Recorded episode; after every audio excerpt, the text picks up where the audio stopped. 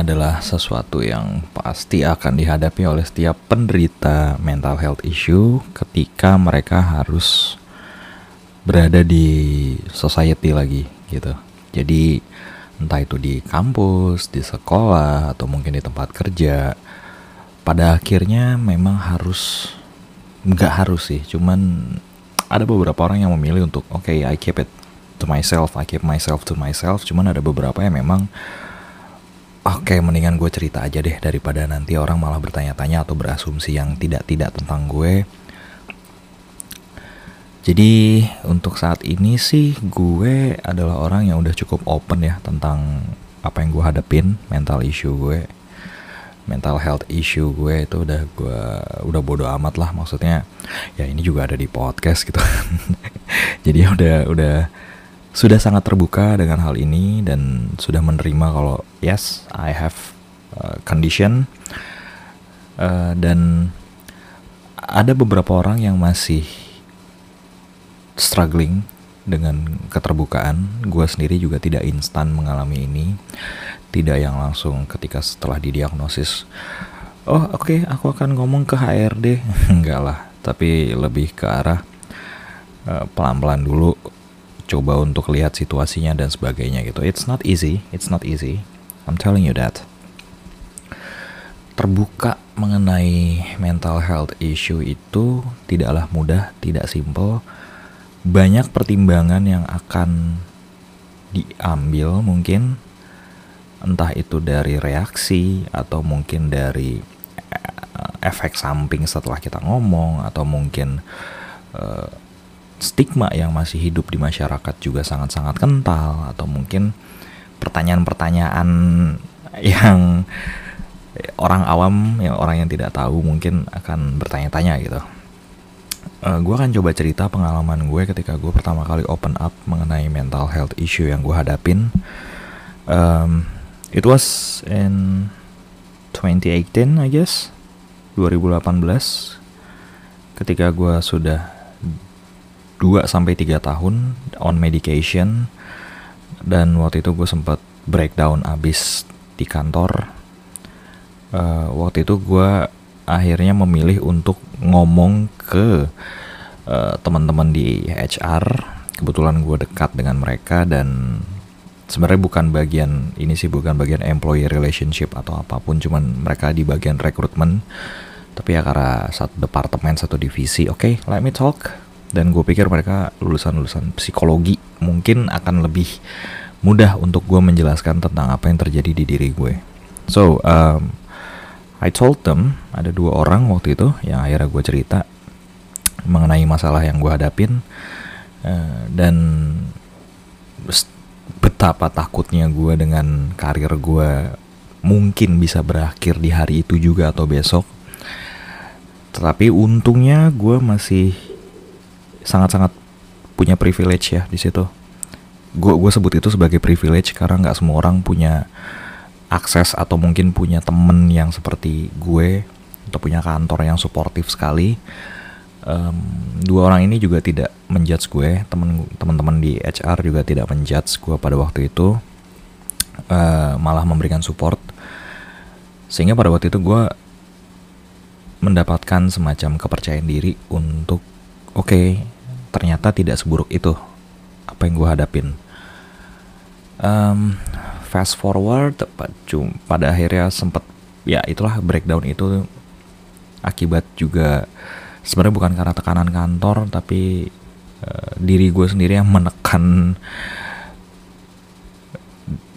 ya oke okay, uh, diri gue sendiri yang membuat gue menjadi seperti itulah istilahnya kayak gitu. Gue susah menemukan kalimat yang atau kata yang paling tepat untuk menggambarkan kondisi gue pada saat itu. Uh, sampai akhirnya gue harus ngomong ke atasan gue langsung. Pada waktu itu supervisor gue uh, I told him about my condition my special condition responnya juga cukup baik pada waktu itu walaupun beliau juga mungkin clueless ya soal mental health issue dan lain sebagainya. Tapi gue sangat bersyukur gue tidak dijudge malah diajak ngobrol ditanya kenapa segala macamnya. Terus apa penyebabnya? Apa karena apa urusan percintaan atau mungkin masalah keluarga atau dan lain sebagainya gitu. So uh, I told him about my mental health problem issue. Uh, lalu dengan beberapa kolega di kantor juga gue cerita dan karena pada waktu itu mungkin gue sudah sudah cukup percaya bukan percaya diri cuman sudah cukup percaya dengan mereka uh, dan gue yakin mereka tidak menjudge dan it worked gitu. Uh, ternyata tidak seburuk yang gue bayangkan mereka suportif bahkan beberapa curious juga pengen tahu uh, tentang mental health issue ini seperti apa sih itu tidak ada yang uh, menjudge kayak wah lemah lo aduh lo drama lah. Itu mungkin cuman di pikiran lo doang kali itu lebaynya lebay aja pikiran lo. Itu mungkin lo stres aja kali segala macam bla bla bla bla bla. Dan gue jelaskan kalau gue udah ke psikiater selama 2 tahun belakangan dan minum obat.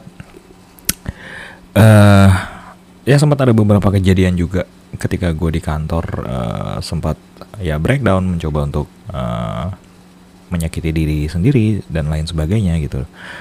Uh, itu was tough tapi sekali lagi gue sangat bersyukur gue waktu itu berada di lingkungan yang memang cukup baik dalam menanggapi uh, informasi ajaib ini.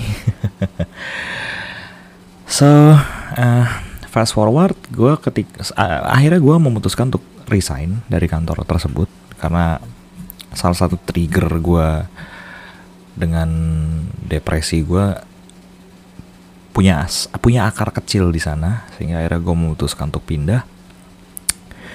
E, di kantor berikutnya gue menyimpan itu semua menyimpan itu semua menyimpan itu semua karena gue belum percaya waktu itu ketika masuk lingkungan baru dan ngobrol dengan orang-orang yang bekerja dengan gue pada saat itu gue belum bisa percaya sebegitu mudahnya untuk kayak ngomong tentang hal ini itu bisa ketaker biasanya.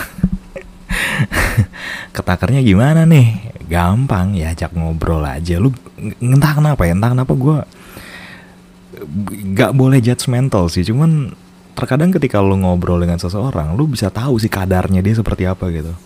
Oh ini orang kayak begini oh kayak begini nih. Kayaknya gue nggak bisa sih cerita nih. Dan sebagai orang yang punya trust issue cukup parah gue makin diberatkan sih dengan kondisi seperti itu gitu. Tapi gue tidak menceritakan apa pun kepada siapa pun. Setelah gue lepas dari kantor yang pertama tadi uh, itu I keep it to myself gue tidak cerita dengan siapa pun. Uh, bahkan sempat ada itu padahal masa-masa yang menurut gue cukup cukup parah ya. Karena uh, gue pindah kantor berapa kali itu? Atas dasar ketidaknyamanan dengan orang-orang sekitar dan merasa selalu kalah dengan orang lain gitu. Jadinya era itu era itu gue banyak banget pindah-pindah kantor. Uh, kayak cuman probation doang atau mungkin berapa bulan doang gue cabut gitu dan itu semakin membuat gue uh, tidak nyaman sebenarnya. Uh, tidak nyaman dan membuat apa ya rasa percaya diri gue semakin turun sebenarnya pada waktu itu. Dan I start mulai questioning tentang life goals atau aim gue mau ke mana sih nggak jelas banget nih gitu. Um, lingkungan kantor itu memang oke okay, di kasus gue gue mungkin lebih banyak contohnya di lingkungan kantor ya karena gue start medication aja itu gue udah udah posisinya udah sebagai karyawan dan mostly yang gue yang gue bisa lihat memang di di lingkungan kerja gitu. Kalau misalnya ada yang di kampus atau di sekolah mungkin gue tidak bisa relate. Jadi bukan berarti nggak ada pasti ada. Apalagi di ya stres dengan kurik apa tugas kampus atau mungkin tugas sekolah atau mungkin uh, ya itulah lulus nggak eh lulusnya mungkin lama atau mungkin stres di skripsi atau ujian nasional mungkin. Um, selama gue bekerja di beberapa perusahaan yang gue loncat-loncat itu gue sama sekali tidak pernah menceritakan tentang mental health issue gue ini. Even ketika gue bekerja di salah satu konsultan HR ya. Ya ibaratnya dia adalah harusnya penuh dengan orang-orang yang secara ilmu sudah mapan mengenai mental health issue minimal aware tahu kalau kondisi itu ada dan terjadi di dunia profesional. Itu pun gue baru berani bu terbuka ketika ada yang mulai duluan. Ketika ada salah satu rekan kerja yang memang mulai cerita soal kondisinya dia eh, gue akhirnya baru berani terbuka mengenai kondisi men kondisi kesehatan mental gue di situ. Uh, appreciate uh, untuk uh, tempat kerja gue itu karena mereka ngasih satu ruang buat uh, sharing membahas segala sesuatu di luar pekerjaan dan uh, terutama yang berkaitan dengan kesehatan mental dan lain sebagainya itu cukup di patut gue apresiasi di situ. Itu luar biasa. Ya tempat kerja gue yang lama juga itu sempat ada setiap hari Kamis itu ada psikolog yang akan datang ke kantor dan karyawan boleh menceritakan apa pun yang membuat mereka stres atau depresi di luar apa ya entah tentang pekerjaan work life balance atau mungkin masalah di rumah gitu. Itu patut diapresiasi juga. Artinya sudah mulai aware di situ karena gue melihat banyak beberapa bukan banyak sih ada beberapa kantor juga atau perusahaan yang mungkin masih punya stigma jelek terhadap orang-orang yang memiliki uh, gangguan kejiwaan, masalah mental atau ya, masalah emosional gitu itu masih dianggap tabu, tidak profesional dan dianggap sebagai beban dalam satu perusahaan. Um, gue udah pernah share kan ya soal di era sekarang ini memang apa ya kesehat isu kesehatan mental itu sudah sudah sangat jamak terjadi dan bahkan kemarin sempat mengikuti interview juga ditanya juga soal hal itu. Uh, kalau gue sekarang sih memang sudah terbuka sekali cuman uh, untuk teman-teman mungkin yang mengalami hal yang serupa dengan gue ya, berkaitan dengan kesehatan mental gitu gimana sih caranya untuk bisa terbuka gitu? Artinya Eh, apa yang harus gue lakukan ketika gue berdatang ke psikolog atau psikiater dan mungkin psikiater secara medis gue sudah terbukti memiliki gangguan kesehatan mental gimana caranya untuk terbuka gitu? Menghadapi keluarga teman pasangan kantor masyarakat pada umumnya Uh, hal yang pertama itu harus kita harus memang harus mempersiapkan diri dengan baik sih. Jangan uh, pertama itu jangan langsung kita share sembarangan, uh, mendingan praktis dulu. Praktisnya seperti apa? Dalam artian uh, coba aja bayangkan satu skenario di mana lo harus menceritakan satu rahasia terbesar dalam hidup lo. Itu boleh dicoba. Hati-hati ketika sharing, jangan sampai oversharing dan jangan share ke orang yang memang kita tidak nyaman atau tidak percaya. Itu bisa backfire. Jangan oversharing, even di medsos, karena nanti uh, itu akan apa ya bisa bisa lari informasi ini informasi ini bisa lari ke mana-mana dan mungkin uh, ya namanya juga informasi dari tangan satu, tangan dua, tangan tiga, tangan empat dan seterusnya itu nanti bisa berubah definisinya dan asumsinya nanti akan sangat-sangat jelek jadi pertama harus persiapkan dulu kepada siapa kita akan sharing, eh, bagaimana cara kita sharingnya, dan eh, bisa nggak nih dipertanggungjawabkan informasi yang sudah kita kasih gitu. Kalau perlu tanda tangan NDA tanda tangan aja udah di atas materai. Itu yang pertama persiapan latihan aja dulu. Yang kedua itu uh, gue lebih melihat ke ini. Bagaimana cara lo untuk menyampaikannya adalah dengan bicara secara personal. Misalnya, pengen cerita ke sahabat, yang memang kita sudah percaya gitu. Ya udah ajak ngobrol berdua. Serius dan coba untuk bridging uh, dengan cara-cara yang kayak oke okay, gue ada sesuatu yang mungkin lu akan kaget dengernya tapi ini sangat penting buat gue and I trust you. I hope you will keep this to yourself. Karena mungkin gue belum siap untuk meneri, uh, memberitahukan ini ke semua orang. Tapi lu mungkin akan gue kasih tahu karena gue percaya sama lo mungkin dengan kalimat seperti itu sehingga si pendengar lo atau temen lo itu jadinya oh, oke okay, gue akan respect informasi ini. Uh, itu sih. Jadi kayak coba untuk ajak ngobrolnya lebih uh, intimate gitu. Dan yang ketiga mungkin eh yang ketiga. Masih di hal yang sama uh, eh enggak enggak enggak enggak, enggak. Ya udah udah masuk ke hal berikutnya lah. Keluarga itu penting. Mereka bisa jadi adalah orang yang paling dekat dengan kita dan paling bisa diandalkan dan punya kemungkinan besar tidak akan menelantarkan kita so mau nggak mau mereka adalah orang-orang yang mungkin boleh jadi yang pertama untuk tahu mengenai hal ini sih. Walaupun gue tahu mungkin ada beberapa yang punya family issue di rumah, uh, siblings issue atau apa pun itu, cuman coba aja dulu. Kalau memang uh, apa kalian dalam kondisi yang keluarganya baik-baik aja kayak gitu. Penjelasannya seperti apa itu mungkin tergantung dari karakter keluarga masing-masing. Akan lebih berat ketika ketemu yang konservatif, cuman kalau misalnya bisa didampingi oleh profesional untuk bicara, that would be even better.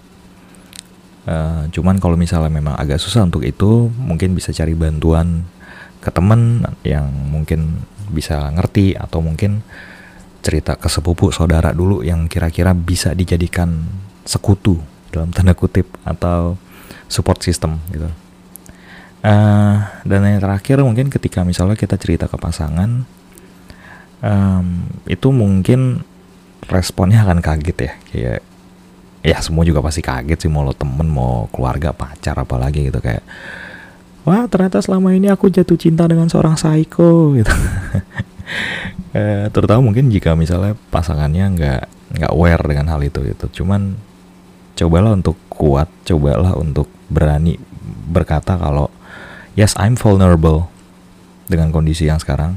Gue fragile nggak masalah. Itu bukan satu kelemahan. Justru ketika lu berani untuk menyatakan hal tersebut dan berani untuk mengakui dan menerima kalau kondisi ini memang nyata terjadi dalam diri lo itu sebuah hal yang menurut gue strong banget loh dan setelah lu berani untuk terbuka dengan orang-orang jujur seperti yang terjadi dalam hidup gue gue jadi lebih percaya diri sih dalam artian uh, lebih bisa menerima lebih bisa sadar juga kalau ternyata nggak seburuk itu kok responnya mereka gitu. Dan ternyata mereka suportif juga bahkan mereka menawarkan diri untuk uh, bukan menawarkan diri sih jatuhnya ya. Jadi kayak mereka juga ternyata digging lebih dalam lagi soal mental health issue sehingga itu malah menambah awareness orang-orang di sekitar gue siapa tahu ada keluarganya dia atau misal temannya dia juga yang mengalami hal serupa itu juga jadi uh, satu ilmu baru yang mungkin bisa diterapkan dalam kehidupan. So, apakah open up itu penting? Itu kembali lagi ya, tidak perlu dipaksakan. Salah satu hal yang paling penting juga jangan paksa diri lo kalau memang belum siap.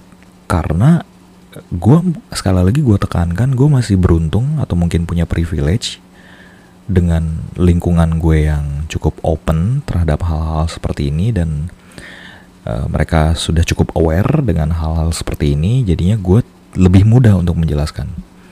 Tapi kan banyak di luar sana yang tidak memiliki apa yang gue miliki. Banyak orang-orang di luar sana yang masih sangat takut bahkan untuk ngomong kalau mereka mau berobat ke psikiater atau psikolog langsung dapat stigma yang jelek. Atau bahkan dianggap pretending hanya pura-pura untuk menghindari satu masalah. Itu akan sangat-sangat susah nanti ketika kalau kita nggak siap kalau kita nggak prepare kita main uh, main oh, udah tabrak aja deh dulu deh uh, whatever will be will be malah bisa jadi bumerang. Malah itu malah bisa memperkeruh suasana atau mungkin malah uh, jadinya uh, dianggap hmm, dianggap tidak capable mungkin atau dianggap cacat dalam tanda kutip dan mungkin akan akan terjadi pemaksaan uh, untuk metode penyembuhan dari orang-orang tersebut gitu loh. Terutama keluarga mungkin ya terutama keluarga. Itu biasanya sih akan ada veto-veto mungkin dari keluarga yang memang e, merasa kalau jalan yang mereka ambil itu adalah yang terbaik buat anak-anaknya. Kalau itu udah makin susah tuh ngelawannya.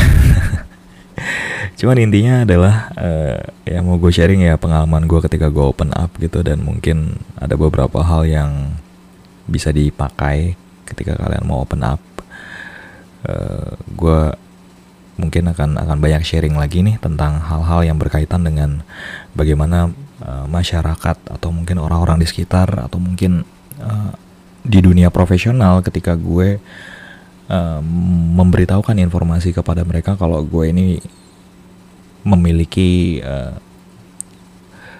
isu dalam kesehatan mental gue. Yang di luar sana masih struggling takut atau mungkin bingung mau gimana find help um, dan mungkin ke depannya gue akan coba ajak ngobrol dengan beberapa orang yang mungkin punya akses yang baik untuk teman-teman yang mungkin punya mental health issue dan bingung mau ke mana.